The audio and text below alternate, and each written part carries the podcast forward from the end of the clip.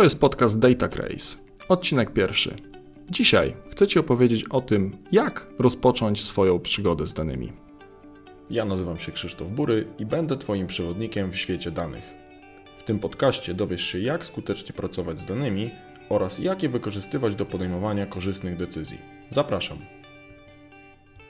Ale zanim przejdziemy do samego podcastu i mięska, wypadałoby się przedstawić, powiedzieć kim jestem i jaki jest w ogóle cel tego podcastu. Tak więc, nie przedłużając, ja nazywam się Krzysiek Bury i od ponad 10 lat zajmuję się danymi. Od standardowych systemów relacyjnych, przez hurtownie danych, po implementację systemów klasy Business Intelligence wspomagających pracę przedsiębiorstwa. Jestem też twórcą Data Craze, w którego skład chodzi właśnie ten podcast. A jeżeli o samym podcaście, to jaki jest w ogóle jego cel? Przede wszystkim podstawowym celem tego podcastu jest dzielenie się wiedzą na temat przetwarzania, analizy i wizualizacji danych. Dodatkowo chciałbym też podkreślić tutaj dobre praktyki, ale też typowe problemy i te nietypowe oraz ich rozwiązania. Sam nie jestem omnibusem, więc możesz się spodziewać na Twoich słuchawkach też innych głosów osób, które będą bardziej odpowiednie dla danego tematu niż moja skromna osoba. Pierwszy odcinek zaczniemy od odpowiedzi na chyba najbardziej oczywiste pytanie w naszej dziedzinie, czyli od tego, jak w ogóle zacząć przygodę z danymi. Mogłoby się wydawać, że ponad dekadę temu, kiedy sam zaczynałem przygodę z danymi, było łatwiej. Stanowisk w świecie IT związanych z przetwarzaniem danych nie było tak wiele. Głównie na rynku można było spotkać SQL deweloperów, programistów hurtowni danych czy deweloperów, programistów systemów Business Intelligence. Czas jednak nieubłaganie płynie do przodu, technologie się zmieniają, podobnie jak nazwy stanowisk. Dzisiaj często na rynku spotykamy inżynierów danych, czyli tzw. Tak data engineers, analityków danych, data analytics albo data analysts, czy specjalistów z obszarów business intelligence. Jak się w tym wszystkim nie pogubić i od czego zacząć? Na co warto zwrócić uwagę, gdy chcemy rozpocząć przygodę z danymi w nowej dekadzie? Dokładnie na te i inne pytania spróbujemy sobie odpowiedzieć w tym odcinku podcastu. I żeby zacząć porządnie ten temat, dobrze by było wprowadzić sobie delikatny podział obszaru danych na trzy warstwy. Pierwszą z nich będzie inżynieria danych, czyli nasz wcześniej wspomniany data engineering. I tutaj mamy jakby trzy osobne sekcje, trzy osobne poziomy. Pierwszym poziomem to będzie zbieranie danych, czyli ta sekcja collect. Tutaj będziemy mieli wszystkie informacje z systemów źródłowych, jakieś dane, które generują nasi użytkownicy, dane z naszych y, systemów produkcyjnych, ich logi itd. Tak Kolejnym poziomem będzie przenoszenie tych danych i przechowywanie. No i tutaj będziemy mieli takie tematy jak dobry przepływ danych, całą kwestię infrastruktury związaną z danymi, wszystkie schematy i przepływy danych, procesy ETL i ELT, czy struktur, strukturyzowane lub nieustrukturyzowane sposoby przechowywania danych.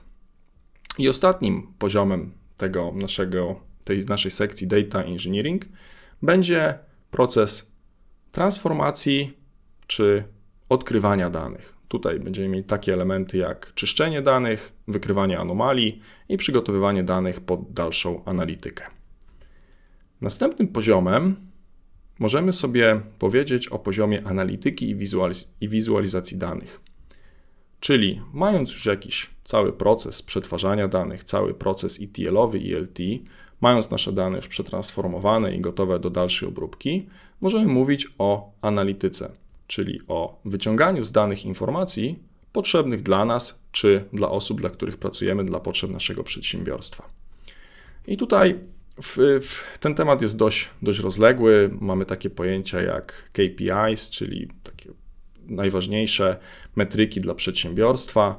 Mamy osobną działkę wizualizacji danych, gdzie możemy również się zagłębić, czy to w produkty konkretne służące do wizualizacji danych, czy samą teorię związaną z wizualizacjami, czyli jakie wykresy możemy przedstawić, w jaki sposób coś dobrze przedstawić, co jest dobre, co może warto poprawić w naszych wizualizacjach.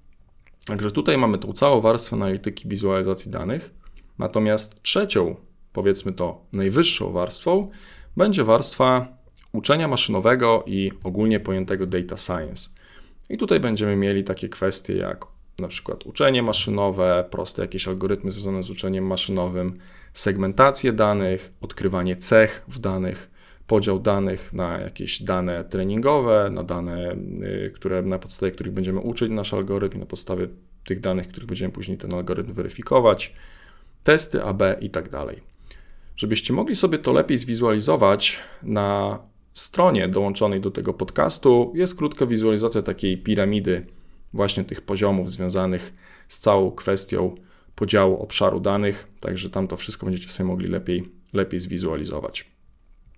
Natomiast dla każdej z tych sekcji, bo omówimy każdą z nich w tym odcinku podcastu, zdefiniujemy sobie podstawy, materiały i rzeczy, które warto śledzić. Zacznijmy od pierwszej podstawowej sekcji, czyli inżynieria danych. Jest ona w mniejszym, a często też większym stopniu przydatna każdemu, kto chce pracować z danymi. Jaki jest jej cel? Cel jest dość prosty. To serce Twojego systemu danych. To z jej pomocą pompujemy dane z różnych źródeł, dokonujemy transformacji, dbamy o jakość i o to, żeby wszystko wykonało się na czas. Bez solidnej inżynierii danych, budowanie sensownych modeli analitycznych, podejmowanie biznesowych decyzji w oparciu o wizualizację, czy podejście w ogóle do tematu data science nie ma większego sensu.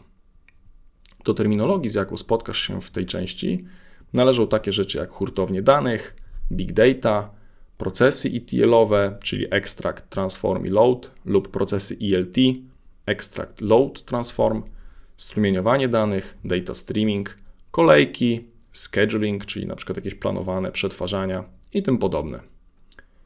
Mam tutaj też jedną uwagę, bo w ofertach pracy często znajdziesz sporo chwytliwych haseł, brzmiących niekiedy jak nazwy Pokémonów, związanych głównie z technologiami używanymi w tej warstwie. Niech cię to nie zmyli. Technologie są naprawdę bardzo ważne, ale nie są one najważniejsze. Jak wszystko w świecie IT, tak i one się zmieniają, ale podstawy, koncepcje i pewne dobre praktyki architektoniczne długo zostają naprawdę fundamentalnym ich elementem. Dlatego też w tej, ale też i w kolejnych warstwach, które będziemy omawiać, najważniejsze będą dla mnie i mam nadzieję, że też dla Ciebie kluczowe elementy, czyli elementy, które pozwolą na zbudowanie solidnej podstawy do dalszego rozwoju. I co jest taką podstawą, jeżeli chodzi o data engineering?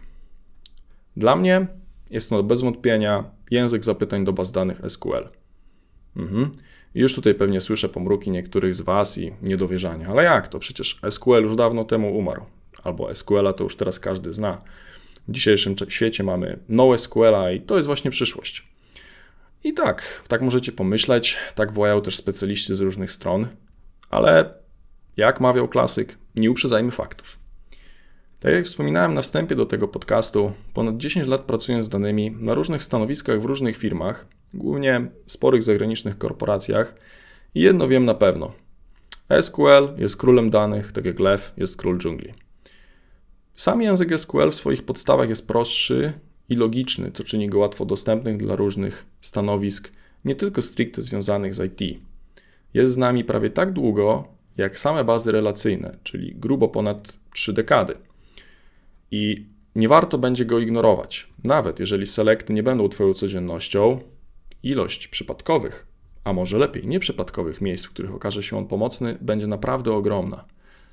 Głównie w miejscach, gdzie pod spodem znajdują się relacyjne źródła danych, np. relacyjne bazy danych, systemy ERP, CRM czy hurtownie danych. No właśnie, a jeżeli o relacyjnych bazach danych mowa, to jakie tutaj mamy główne koncepcje i architekturę wybranej bazy, jeżeli chodzi na przykład o e, PostgreSQL? I tutaj podobnie jak ze SQL-em, możemy mówić, że przecież to się nie skaluje. Relacyjne bazy danych się nie skalują. Jest to jakiś relikt z lat 70. Dalej, bazy NoSQL, bazy grafowe, to jest przyszłość. I być może masz rację, ale nie uprzedzajmy faktów. Przez prawie pół wieku systemy informatyczne powstawały w oparciu właśnie głównie o bazy relacyjne. I uwaga, dalej powstają właśnie w oparciu o takie bazy. Czy to dobrze, czy źle? No, nie mi oceniać. Fakt jest jednak taki, że na swojej drodze z relacyjnymi bazami danych spotkasz się nie jeden raz. Zrozumienie koncepcji relacji, zasad ACID, architektury, jak faktycznie wygląda baza danych i zapoznanie się z samą bazą od przynajmniej jednego dostawcy to rozsądne minimum. No dobrze. Wspominaliśmy już kilkakrotnie o bazach nierelacyjnych, tak? czyli o bazach NoSQL powiedzmy, lub bazach grafowych. I tutaj też warto się skupić na głównych koncepcjach plus kilka poglądowo przejrzeć, co oferują, jaką mają architekturę, na co zwracają uwagę. A co, czym w ogóle jest NoSQL? Jeżeli byśmy wzięli takie dosłowne tłumaczenie, to można by pomyśleć, że to nie jest SQL, tak? Natomiast w tłumaczeniu tego słowa chodzi nam o to, żeby powiedzieć, że to jest not only SQL, czyli nie tylko SQL. To nie jest zastępstwo dla SQL-a, to nie jest jakaś e, rzecz, która ma go całkowicie wykorzenić z naszych myśli, z naszej podświadomości. Nie. To ważne, że to jest nie tylko SQL. Podobnie jak słowo komplementarne, czyli dopełniające, uzupełniające daną rzecz. Tak właśnie postrzegam rolę systemów NoSQL jako systemy komplementarne dla systemów relacyjnych, używane tam, gdzie potrzeba, z uwzględnieniem ich specyfiki. Czy można przepisać system z bazy relacyjnej na bazę nierelacyjną? Pewnie, że można. Tylko czy zawsze potrzeba? No, raczej nie. Jeżeli sytuacja tego wymaga, jeżeli z perspektywy architektonicznej, z perspektywy Twoich potrzeb biznesowych związanych z aplikacją będzie to bardziej korzystne, to jak najbardziej warto się nad tym zastanowić. Ale czy zawsze potrzeba to robić? No, raczej nie wydaje mi się. Zapoznając się z tematyką baz NoSQL, zwróć proszę uwagę na kluczowe koncepcje i podział baz nierelacyjnych na bazy typu klucz wartość, bazy dokumentowe itd. Tak zwróć też proszę uwagę, gdzie są one wykorzystywane. Jak duzi gracze, np. jak Uber, czy Spotify, czy Netflix z nich korzystają. W kilku materiałach dodatkowych do tego podcastu na stronie internetowej znajdziesz książki, które gładko wprowadzą Cię w tą tematykę. A my idziemy dalej. I kolejnym elementem związanym z inżynierią danych, na, których, na którym warto się skupić, o którym warto poczytać, są bez wątpienia hurtownie danych.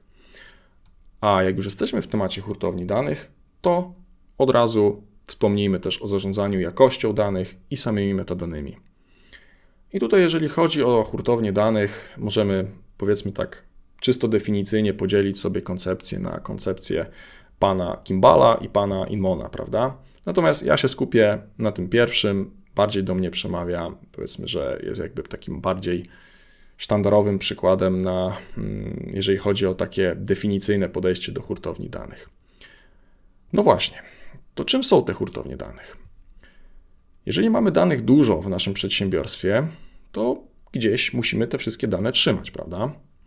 Hurtownie danych są popularne a w ostatnim czasie nawet bardziej popularne są rozwiązania typu Data Lake, szybko nie znikną, a i problemy, z jakimi się borykają same hurtownie danych, są bardzo ciekawe. W tym kontekście warto zerknąć na podstawę architektury i zagadnień hurtowni danych, tak jak wspominałem, od pana Ralfa Kimbala. Pan Kimball w swoich książkach, ale również na stronie internetowej yy, przedstawia bardzo dużo informacji, dobrych praktyk w kontekście modelowania, zarządzania i ogólnej pracy z danymi. I tutaj po raz kolejny pamiętaj, że technologie się zmieniają. Dzisiaj dane rozwiązanie, jeżeli chodzi o hurtownię danych, może być popularne, jutro może to być zupełnie inna technologia. Jednak tematyka architektury, tematyka już stricte związana z hurtowniami, jak wymiary, fakty, wymiary wolnozmienne, miary, czy kwestie metadanych, jakości danych, ról w zespołach, które odpowiadają za cały proces obsługi hurtowni danych. Ten temat zawsze będzie aktualny i on nie będzie zależny w praktycznie 99% od wybranej technologii. Jak już jesteśmy w temacie hurtowni danych, to nie możemy zapomnieć o wszystkich procesach przetwarzania danych, procesach ETL, ELT, o strumieniowaniu danych, o eventach.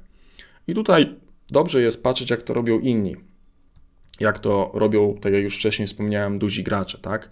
Czyli jakie mają podejścia, na co zwracają uwagę.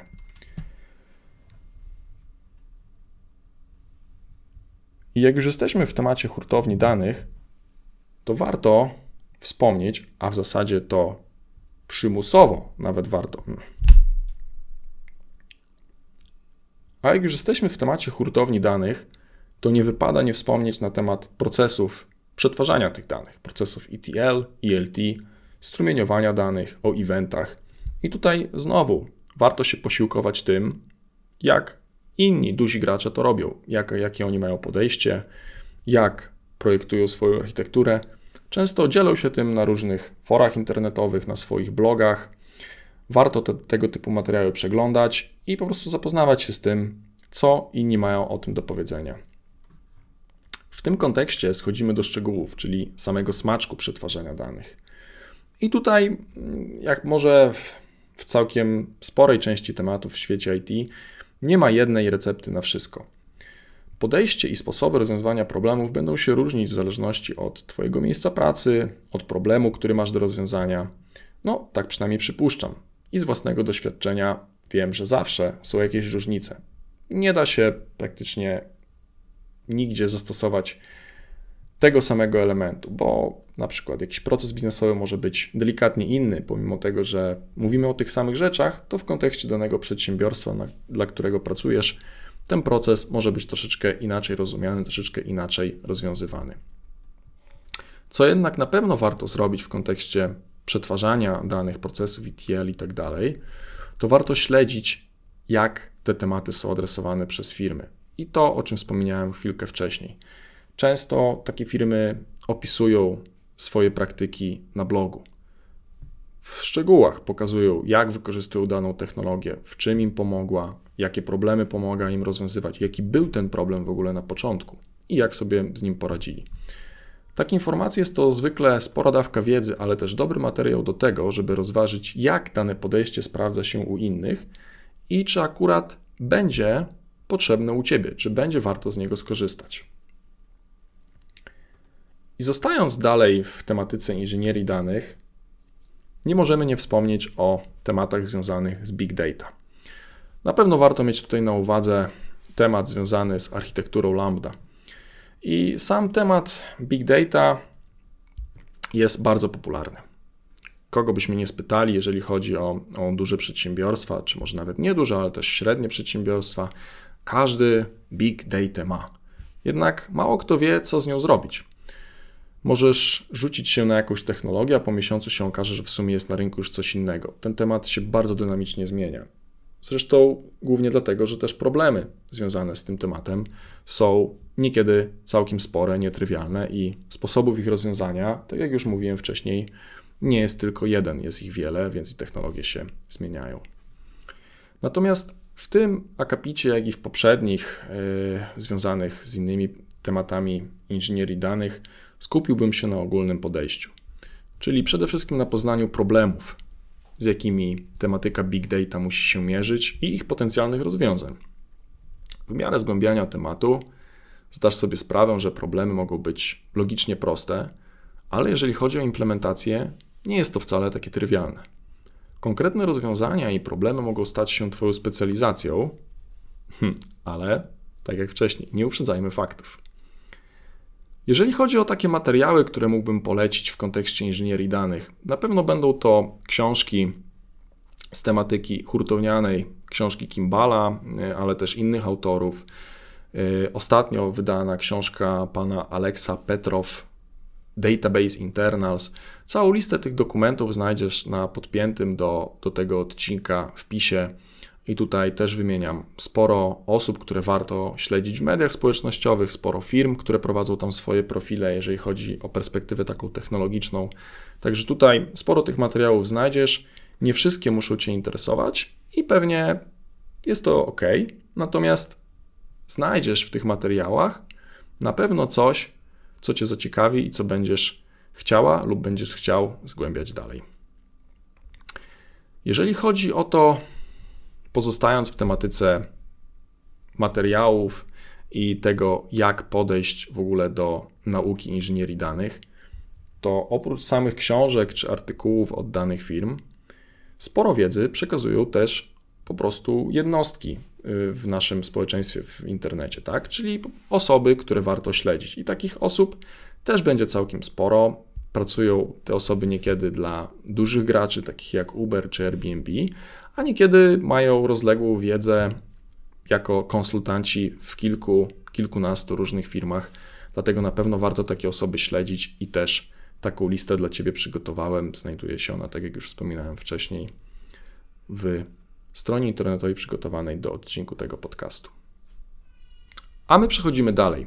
Przechodzimy do drugiej podstawy, do drugiego powiedzmy filaru, czyli analityki i wizualizacji danych.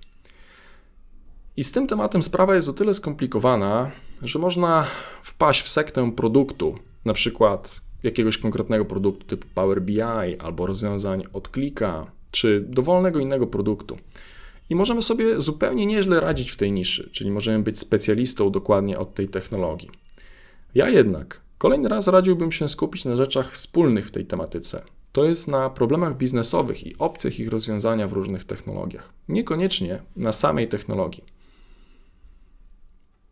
Jeżeli chodzi o podstawy analityki wizualizacji danych, to na pewno warto tutaj wziąć pod uwagę takie rzeczy jak metryki biznesowe, metryki finansowe. I tutaj będziemy mieli tematy związane z e, rzeczami. Będę tutaj mówił o w nomenklaturze angielskiej, łatwiej będzie też to później wyszukać, takich tematach jak balance sheets, income statements, rolling orders, podejściu do sprzedaży, z wszystkimi rzeczami związanymi z salesami w przedsiębiorstwach. Innym elementem mogą być metryki biznesowe, jeżeli chodzi o magazynowanie i logistykę. I tutaj takimi tematami, nad którymi warto się pochylić, będą na pewno rzeczy związane z on-time delivery, manufacturing planning, kosztami transportu, kosztami spedycji, freight cost, czy najkrótszą ścieżką dostawy, shortest path, jeżeli chodzi o dostawę od jakiegoś osoby, której produkujemy, od naszego dostawcy albo do naszego klienta. W powyższych przypadkach niestety nie znalazłem takich cudownych materiałów, które, warto przeglądać od razu na start. Raczej takie ogólniki. Pamiętaj jednak, że w swojej podstawowej formie te tematy będą wspólne pomiędzy firmami, to znaczy koncepcje biznesowe będą wspólne. Większość firm ma rzeczy związane z magazynowaniem, ma rzeczy związane z logistyką, także te tematy pomiędzy firmami będą wspólne, jak najbardziej. Natomiast jeżeli chodzi o implementację czy jakieś egzekwowanie tych koncepcji, metryk i innych tematów związanych z tymi tematami, one mogą już być różne pomiędzy przedsiębiorstwami. Ale jeżeli skupimy się na czysto biznesowej odsłonie tych rzeczy, jak, jakie są problemy z nimi związane i jakie są typowe rozwiązania, nasz start będzie dużo bardziej ułatwiony. Zostając w temacie analityki, wizualizacji musimy wspomnieć o odpowiednim przedstawieniu wyników. I teraz słowo odpowiednie jest na pewno tutaj kluczowe, bo e, i, i, być może niełatwe do odpowiedzenia, bo dla jednej osoby odpowiedni może być taki wykres, a dla drugiej osoby odpowiedni może być inny wykres. Na szczęście nie musimy we, we wszystkim odkrywać koła na nowo. Są pewne schematy, pewne dobre praktyki, na jakich wykresach przedstawiać jakiego typu dane, te informacje są łatwo dostępne w internecie, możecie je znaleźć również na, na blogu e, Datacraze czy na innych branżowych blogach. Natomiast jeżeli chodzi o samą wizualizację, to dobra wizualizacja to sztuka sama w sobie, czyli żeby dobrze przedstawić jakąś informację, naprawdę niekiedy trzeba się mocno wysilić, żeby dało też to nie tylko efekt wizualny, ale przede wszystkim wartość biznesową. Bo nie jest trudno nawrzucać danych z różnych źródeł i zrobić z nich x zakładek w Excelu i przesłać to do biznesu dalej i powiedzieć: No to radźcie sobie teraz, tutaj macie te dane, wnioskujcie sobie. I być może sobie z tym poradzą. Nasz biznes wielokrotnie potrafi nas zaskoczyć i zrobić naprawdę cuda w zwykłych arkuszach kalkulacyjnych. Natomiast my, jeżeli pracujemy nad danymi i budujemy jakieś warstwy analityczne, budujemy jakieś warstwy wizualizacyjne, to robimy to po to, żeby pomóc naszym odbiorcom, pomóc naszym klientom, żeby tą informację mieli od razu widoczną i mogli na bazie tej informacji podjąć jakąś decyzję, czy analizować ją dalej, czy przedstawić ją na przykład swoim szefom, swojemu szefowi i, i jakąś decyzję na, na temat tej informacji podjąć. Dobry design, tak jak wspominałem na początku, jest często rzeczą umowną i dla ciebie czy dla mnie ta definicja dobrego designu może być różna. Natomiast, tak jak wspominałem, jest kilka podstawowych zasad wizualizacyjnych, które warto znać. I tutaj, jeżeli korzystacie z jakiegoś produktu w swojej działalności, czy w ogóle zastanawiacie się nad podejściem do tematyki wizualizacyjnych analityki i szukacie, jakie są produkty w tym obszarze, to takie firmy jak Click, Tableau czy Power BI udostępniają na swoich stronach internetowych czy to w formie wpisów na blogu, czy w formie wideo, sposoby dobrego przedstawiania danych, dobrych wizualizacji. I na pewno warto się tymi materiałami posiłkować. Są one w, raczej w 100% albo w większości przypadków darmowe, dlatego, dlatego warto na to zwracać uwagę. Jeżeli chodzi o kwestie właśnie narzędzi i produktów, z którymi możecie mieć styczność, to warto tutaj wspomnieć o dwóch takich zestawieniach, które takie narzędzia opisują. Pierwszym z tych zestawień tworzy firma Gartner i to zestawienie nazywa się Business Intelligence Magic Quadrant Report. W tym zestawieniu mamy podzielone na cztery ćwiartki wykres z informacją, jakie narzędzie znajduje się w jakim obszarze na moment tworzenia tego konkretnego raportu. I na podstawie tego wykresu możecie sobie sprawdzić te produkty, które firma Gartner tam opisuje, zobaczyć, jakie są ich słabe strony, jakie są ich mocne strony, w czym się rozwijają, na co teraz w tym momencie stawiają, jakie są ich priorytety. Dlatego warto śledzić ten raport, jeżeli zastanawiacie się szczególnie nad wyborem jakiejś konkretnej technologii, jakiegoś konkretnego produktu. Innym zestawieniem jest zestawienie o nazwie Technology Radar, przygotowane, przygotowane przez firmę ThoughtWorks. I tutaj nie będziemy mieli tylko samych produktów, jeżeli chodzi o taką kwestię analityki i wizualizacji danych, ale będziemy mieć również informacje o kwestiach technologicznych, o kwestiach infrastrukturalnych. Także ten raport jest już bardziej rozbudowany i myślę, że kierowany raczej do jakichś architektów lub osób ściśle związanych z technologią no, w Twojej firmie. Natomiast jeżeli masz ochotę zerknąć, to jak najbardziej linki znajdziesz w opisie do tego odcinka. I teraz to, co jest jeszcze warte, jeżeli chodzi do wspomnienia, jeżeli chodzi o sam fakt danego produktu, to przede wszystkim jak rozpatrujemy dany produkt, jeżeli już go mamy nawet, albo jeżeli się nad nim zastanawiamy, czy go wdrożyć w naszej firmie, to dobrze jest mieć taką dobrą znajomość tego produktu. Nie musimy wiedzieć konkretnie wszystkich szczegółów i detali, jak z niego korzystać, ale warto jest poznać jego wady i zalety, tak? Czyli jeżeli dane narzędzie reklamuje się jako narzędzie mm, przetwarzające dane w pamięci, tak? Czyli przetwarzanie in memory, no to jakie są związane z tym przetwarzaniem wady i jakie są jego zalety, tak? No bo umówmy się, wszystko ma swoje plusy i minusy i tak jak w tym przypadku, takie przetwarzanie też je będzie miało. Dlatego warto na to zwrócić uwagę. Sprawdźcie sobie, jak narzędzia podchodzą do kwestii przetwarzania danych. Tak? Jeżeli macie bardzo dużo źródeł, budujecie skomplikowane procesy przetwarzania tych danych, to jak takie narzędzia się zachowają w tym kontekście? Czy potrzebujecie na przykład budować osobną hurtownię danych z pełnymi procesami przetwarzania i dopiero na podstawie danych z tej hurtowni zasilać wasze narzędzia analityczne, czy wasze wymagania, czy powiedzmy, no nie wiem, potrzeby są na tyle niewielkie, że będziecie mogli wszystko spokojnie obsłużyć w tym narzędziu bez żadnych dodatkowych innych produktów. To jest bardzo ważne, żeby sobie taki rekonesans zrobić wcześniej. Jeżeli chodzi o materiały związane z analityką i wizualizacją danych, no to tutaj możemy mówić o książkach jakichś związanych z dobrą, dobrymi praktykami związanymi z wizualizacją danych. Myślę, że takie osoby jak Steven Few czy Alberto Cairo będą dobrymi przykładami osób, które znają się na tej tematyce, ale tak jak już wspominałem wcześniej, na blogach producentów technologii, takich jak Power BI czy Click, znajdziecie mnóstwo materiałów darmowych, które też będą warte rozpatrzenia.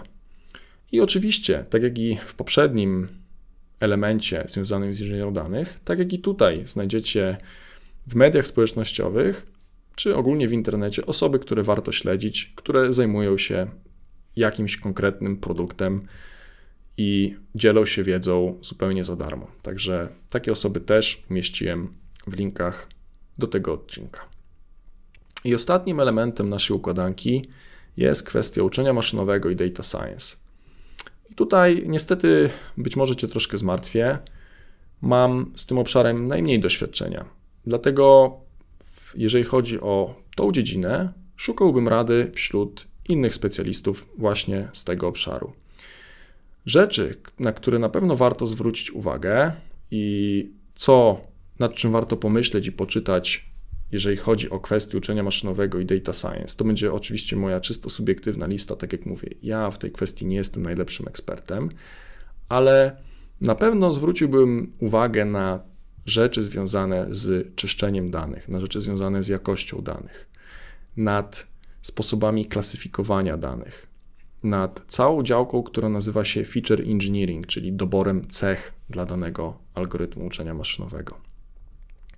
I na pewno e, zacząłbym od tego, jak zadawać dobre pytania, bo z mojego doświadczenia wiem, że jeżeli zadamy złe pytanie biznes, biznesowi, dla którego pracujemy, czy klientowi, dla którego pracujemy i chcemy rozwiązać jakiś problem, to przy źle zadanym pytaniu dostarczymy być może dobre wyniki, ale na to złe pytanie. A tak naprawdę klientowi może chodzić o coś zupełnie innego.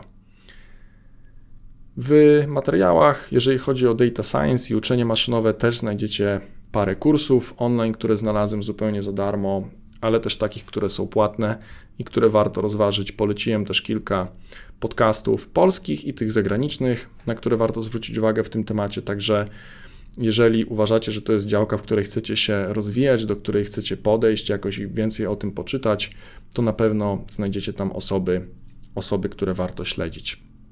I teraz już tak podsumowując w ogóle ten temat, jak zacząć z danymi. Żaden z tych punktów, o którym mówiłem, nie wyczerpuje w pełni tematu i mam nadzieję, że to jest dla Ciebie zupełnie oczywiste. Ale wierzę, że to, o czym powiedziałem, to solidna podstawa do tego, żeby zacząć przygodę z danymi. Prawdę mówiąc, nieważne jest od czego zaczniesz swoją przygodę z danymi. Wybierz po prostu jakiś jeden obszar, na którym, który chcesz poznać, na którym chcesz się skupić. Jeżeli nawet po czasie okaże się, że to nie jest może do końca to, w czym chcesz się realizować, to pamiętaj, że drogi zawsze nie są zamknięte. Zawsze można wrócić, zająć się innym tematem, a wiedza, którą nabędziesz w trakcie tej podróży, w trakcie nauki danego obszaru, na pewno nie będzie rzeczą zmarnowaną i pewnie cię to zaskoczy, albo i nie, że przyda ci się niejednokrotnie też w innych obszarach. Dlatego weź konkretny obszar, jeżeli chcesz zacząć przygodę z danymi i po prostu zacznij go zgłębiać. Ja z mojej strony mogę polecić materiały, które ja udostępniam w internecie, czy to na stronie DataCraze, czy na e, newsletterze związanym z SQL-em, z Rozum SQL. Jeżeli masz czas i ochotę na to zerknąć, będzie mi bardzo miło. Natomiast też w, tak jak już wspominałem wielokrotnie w materiałach do tego odcinka, znajdziesz i osoby, i materiały, i miejsca, na które na pewno warto zwrócić uwagę. Mam nadzieję, że będzie to dla Ciebie wartościowa dawka informacji i to tyle w tym odcinku. Dzięki za wspólne zgłębianie tematu, jak zacząć przygodę z danymi. Do usłyszenia niebawem. Trzymaj się ciepło. Pozdrawiam. Cześć.